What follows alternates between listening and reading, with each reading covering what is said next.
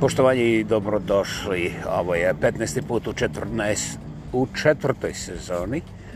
Slama sa vama govori samoproglašen lingvistički aktivista. Monumentalno autentični. Ja pa ja, ko bi drugi. Vladimir kreće sa legendarnih i preljepih stinovitih planina. Ja, kako je jesen došla ovdje. Ono, čovječe, pa nemam ni na šta da se žalim kako je ta jesen tako preko noći uspjela svaki listić ofarbati u žuto. Pa onda već, evo, čekajte, počnem vrati, jedan, dva, tri, četiri, ne, bit će sigurno par miliona, pa ćemo to skratiti. Svaki list ko rukom skinut na travnjaku i žut. Bože moj, čudo živo, čudo, eto ti. To ne može ni Galafak da napravi, ali jesen, bam, bam, bam. Preko noći. Temperatura je ugodna, blagoslovljena. Ja ne znam koja je brojka, ali ovakvu temperaturu bi prihvatio 367 dana godišnje, ozbiljno. Pa onda ukrug može ponovo, može iz početka. Zašto ne? Evo nas. Gledam Upravo prolazim pored vrlo seksi restorana. Jeste. E, ne bih rekao da se radi o ekskluzivi, ali ljepota, funkcionalnost, ugodnost, dobar miris i vjerovatno još bolji okus. Hm. Ne bi se puno prepirao, probao bih. Samo naravno već sam prežderan, ne treba mi još jedno prežderavanje. Hvala slušajte malo glazbenu muziku. Klinket klonket, ja? I da vam kažem na večer, evo ga ovde 8 sati 1 minut. Šta ja znam, tu u Prnjavoru su ljudi imali to običaj večera teko ovog doba. Međutim, ovdje u restoranu za barem 100 do 200 ljudi i velikom terasom na jezeru u gradskom parku a grad je bar milijun i pol ljudi, da vidimo koliko ima gostiju. Konobara vidim da imaju vidljiva trojica, ima tamo na recepciji jedan, naime sve u staklu, zato ja to tako lijepo vidim. Znači vidim četvoro profesionalaca, vjerovatno u kuhinji ima još barem jednom kuhar, jednog perača suđa, znači njih je šestoro, a u restoranu se dosađuje dvoje ljudi na jednom od centralnih stolova. e, jesam ja sad ciničan ili nepristan? Pa izaberite šta vam se sviđa. Nekako... Znate, ovako nešto se... A ne sjećam se ni prošle godine, jer ja sam ovde godinama, već decenijama zapravo. I ne sjećam se da je u ovo doba, u ovako lijepo vrijeme, restoran bio prazan jer ta dva gosta u takvom ogromnom restoranu ne mogu se nazvati popunjenost. I to baš u špici za večer.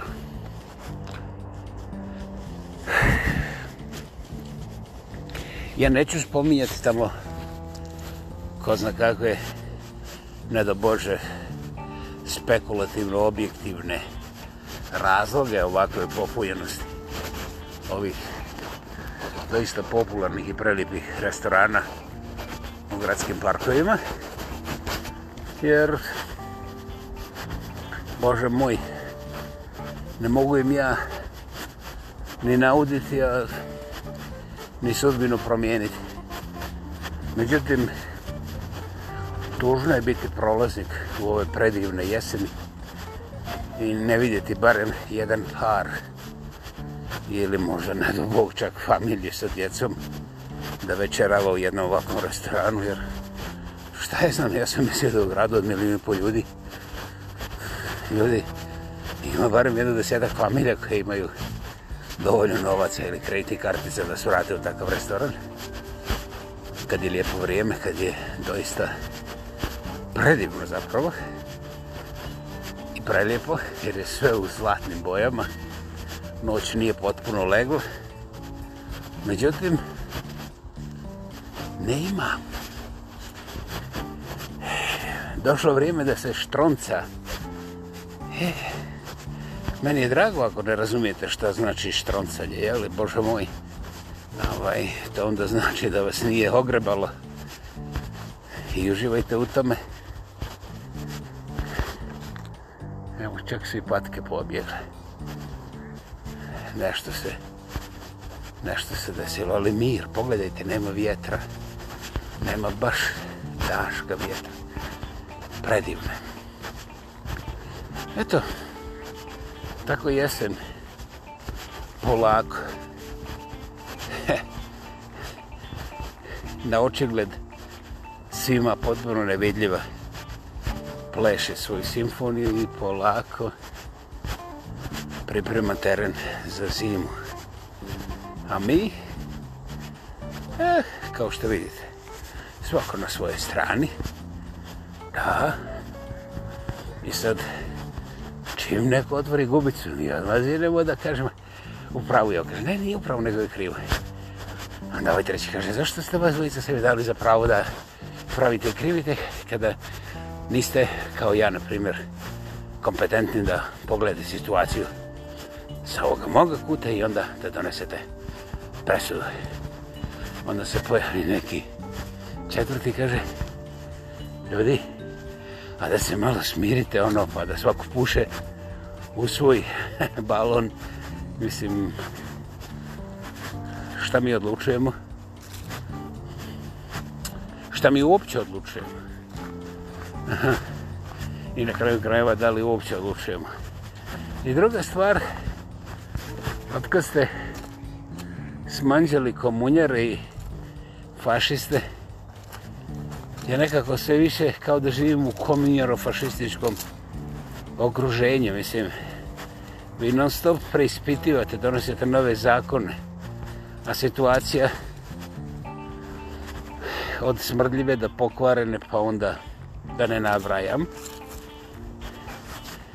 I kad ste već smakruli komunjere, gdje vam je ona crkva u kojoj ste se toliko kleli?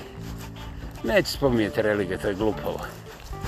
Jer bi onda ispalo da naš ono don't judge čak pripada u Bibliju, mislim, sam misli, Bože moj. Ovaj, No, iz ovoga već vidite kakva je temperatura. Um, naravno da je svijet davno prešao čizu psihijatrije i da je to sad demode. U kojim oblicima ludila živimo, ne znam, jer ja sam modern, ja sam napredan, demokrata i slobodan. I to demokratski slobodan da odopnem bilo kakvu glupost i da bidnem zaštićen jer sam glasovao na ovim izborima koji nisu bili ovaj glasovanje nego su bili izbori. Šta kažeš? A, nisu bili izbori nego je bilo glasovanje. Ha, okej. Okay. Okej. Okay. Naime izbori su samo u komunjarskim sustavima sistema. Nevjerovatno, nevjerovatno kakvu sam grešku smrtonosno napravio.